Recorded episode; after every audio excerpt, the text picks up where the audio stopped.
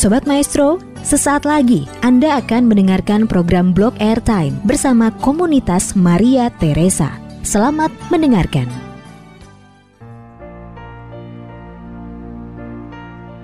Shalom Sobat Maestro yang terkasih dalam Tuhan Yesus Kristus.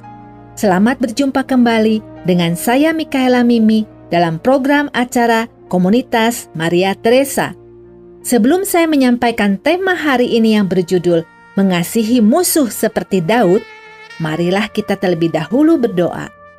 Dalam nama Bapa dan Putra dan Roh Kudus. Amin.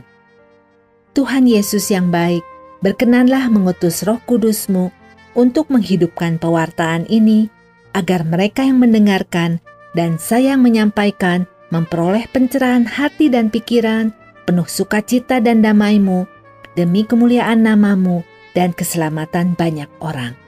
Amin. Dalam nama Bapa dan Putra dan Roh Kudus. Amin.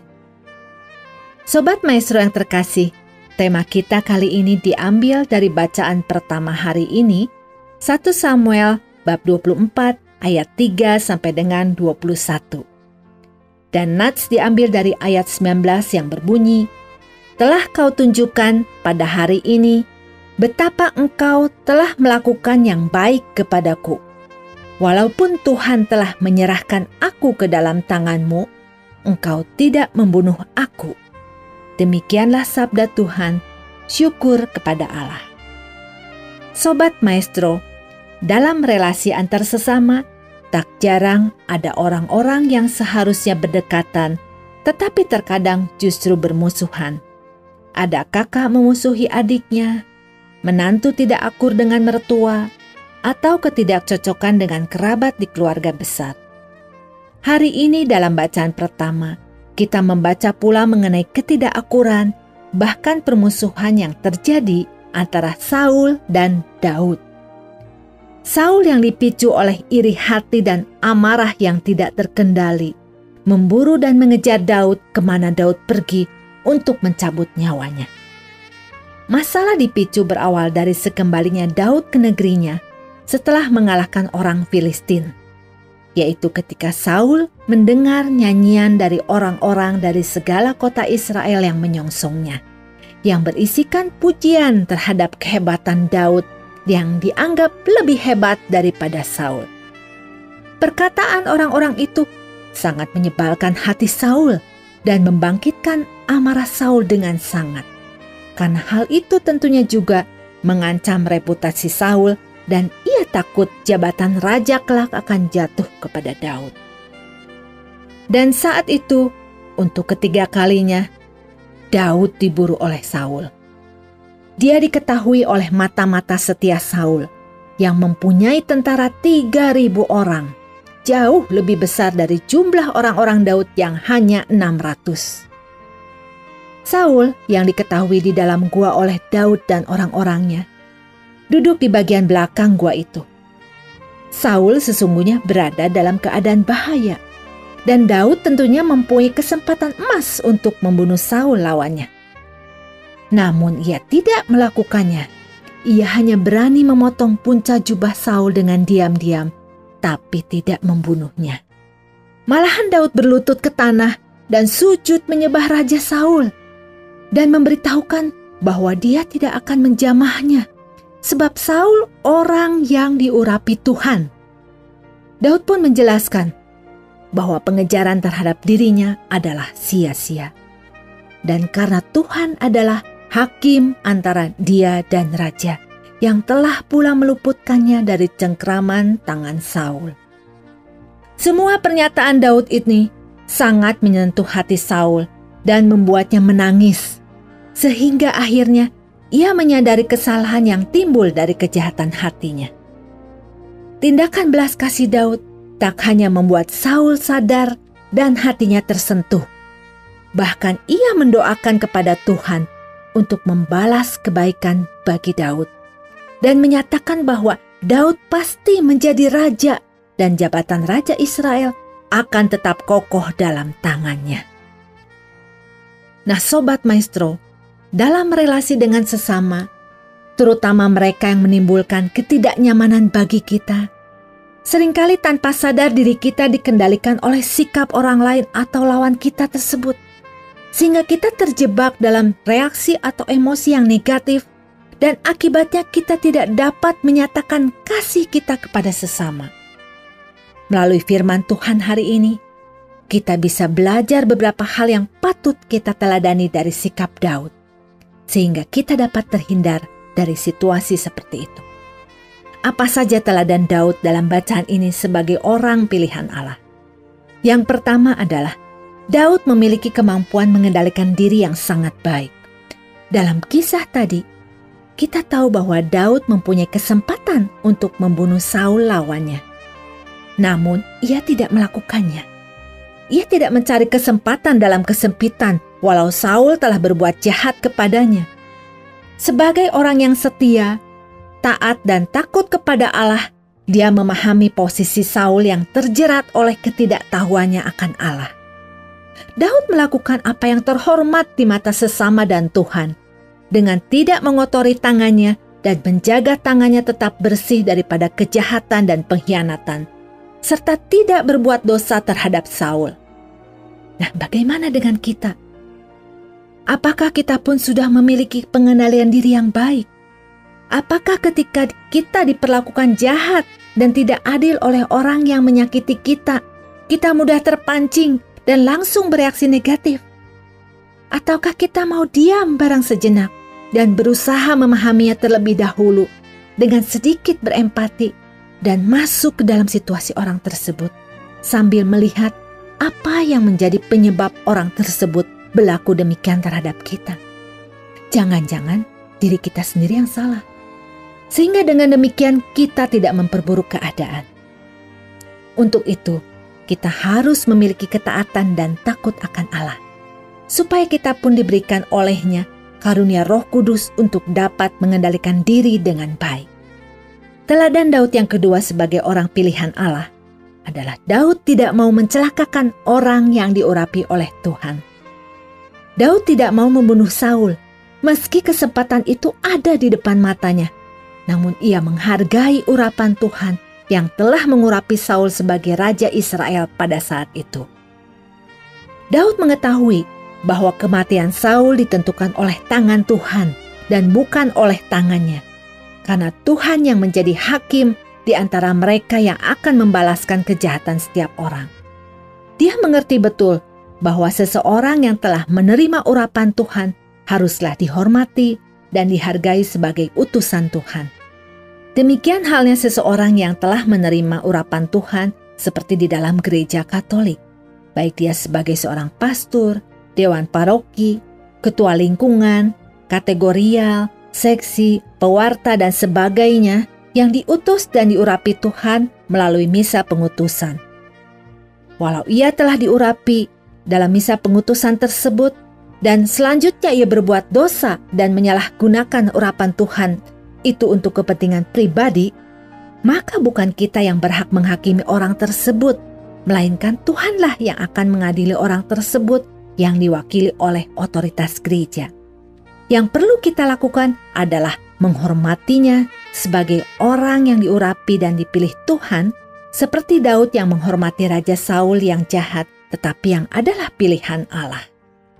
Yang ketiga, Perbuatan dosa dan kejahatan dikalahkan oleh Daud dengan belas kasih. Walau Saul melakukan yang jahat kepada Daud, namun Daud melakukan hal sebaliknya, yaitu yang baik. Belas kasih menghalanginya untuk membunuh Saul. Dalam kehidupan kita sehari-hari, tidaklah mudah bagi kita untuk dapat berbelas kasih kepada orang yang telah berbuat jahat, menyakiti atau mungkin menghancurkan hidup kita. Manusia sering kali membalas kejahatan dengan kejahatan agar mendapatkan pembalasan yang setimpal menurut tolak ukur manusia. Perbuatan tersebut sesungguhnya tidak akan pernah memutuskan mata rantai kejahatan. Kejahatan hanya bisa diputuskan dengan kebaikan dan belas kasih. Marilah kita meniru cara Daud dalam mengasihi musuhnya Saul dengan berbelas kasih, sehingga musuh pun sadar akan kejahatannya dan berbalik kepada Allah, dan supaya Tuhan pun dapat memakai hidup kita sebagai perpanjangan tangannya untuk berbagi kasih kepada sesama, termasuk sesama yang membenci atau musuh kita. Amin. Mari kita berdoa. Dalam nama Bapa dan Putra dan Roh Kudus. Amin. Allah Bapa di surga, terima kasih atas kehadiran Roh Kudusmu yang mencerahkan hati dan pikiran kami semua. Bimbinglah kami agar kami dapat senantiasa menjadi perpanjangan kasih-Mu dengan mengasihi dan berbelas kasih kepada orang-orang di sekeliling kami, baik teman, sahabat, kerabat atau saudara-saudara kami, dan bahkan musuh kami sekalipun. Ajarkanlah kami untuk dapat setia, taat dan takut akan Engkau, dan berilah kami kekuatan supaya kami memiliki pengendalian diri yang baik dan hidup seturut teladan dan kehendak-Mu. Doa ini kami panjatkan dengan pengantaran Yesus Kristus Putramu Tuhan kami, yang hidup dan berkuasa bersama Engkau dalam persekutuan roh kudus, kini dan sepanjang segala masa. Amin. Dalam nama Bapa dan Putra dan Roh Kudus. Amin. Sobat Maestro pendengar komunitas Maria Teresa, terima kasih atas perhatian Anda. Apabila ada kritik, saran dan masukan, atau Anda berkenan berpartisipasi dalam pelayanan komunitas Maria Teresa, silahkan menghubungi nomor 0812 2459 0914. Terima kasih, Tuhan Yesus memberkati.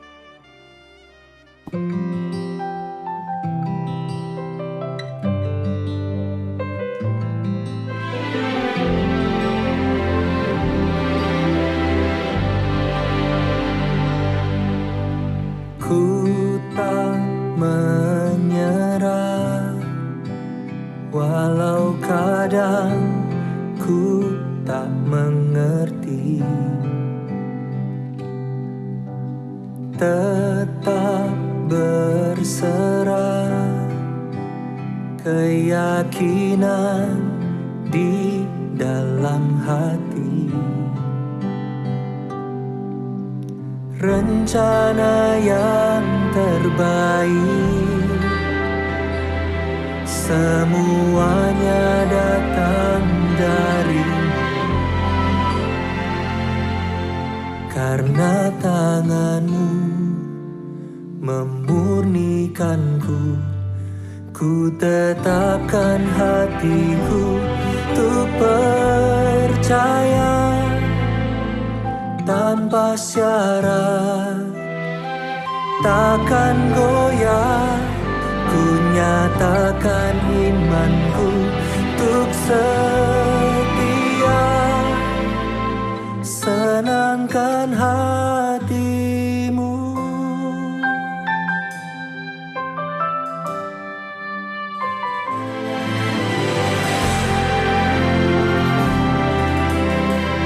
katakan ku tak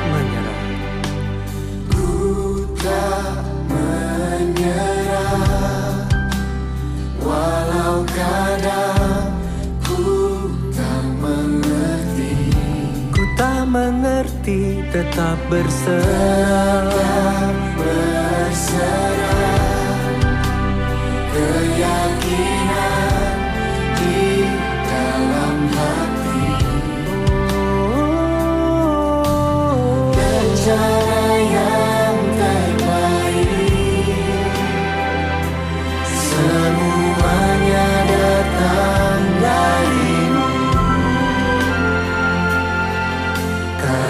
tanganmu memurnikanku.